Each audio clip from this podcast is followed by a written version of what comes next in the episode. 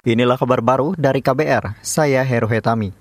Saudara Presiden Joko Widodo merespon turunnya tingkat kepuasan masyarakat terhadap kinerja pemerintah yang dirilis oleh survei Litbang Kompas. Jokowi mengatakan hasil survei itu akan menjadi bahan evaluasi bagi pemerintah. Eh, evaluasi pemerintah, untuk evaluasi, untuk koreksi kalau ada hal yang kurang atau hal-hal yang perlu diperbaiki, karena apa pun data survei data lapangan secara umum, sehingga kita apa kita pakai angka itu sebagai bahan evaluasi, sebagai bahan koreksi, sebagai bahan untuk perbaikan-perbaikan, untuk memperbaiki yang kurang-kurang karena juga banyak yang masih perlu diperbaiki. Sebelumnya Litbang Kompas merilis hasil survei kepuasan kinerja pemerintahan Jokowi dan Ma'ruf Amin. Hasilnya survei di Desember 2023 menunjukkan sebanyak 73,5 persen responden menyatakan puas terhadap kinerja Jokowi. Angka ini menurun jika dibandingkan pada Agustus 2023 yang mencapai 74,3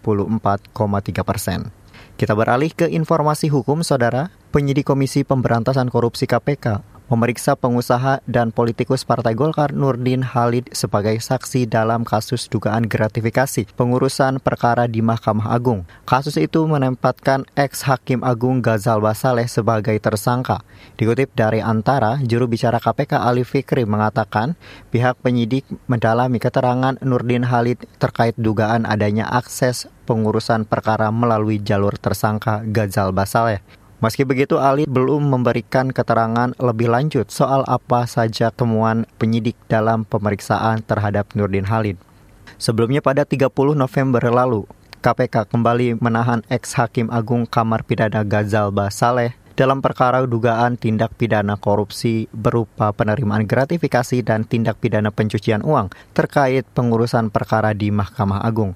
Sebagai bukti permulaan awal, dalam kurun waktu 2018 sampai 2022, ditemukan adanya dugaan aliran uang berupa penerimaan gratifikasi sejumlah sekitar 15 miliar rupiah.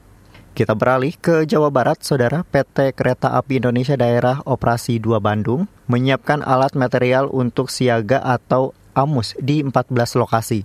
Peralatan disiapkan sebagai langkah mitigasi datangnya musim hujan dan cuaca ekstrim bertepatan liburan Natal dan Tahun Baru 2024. Juru bicara PT KAI Daop 2 Bandung, Ayep Hanapi mengatakan, Berbagai peralatan sudah disediakan di sebagian besar jalur kereta api yang rawan bencana seperti longsor dan banjir.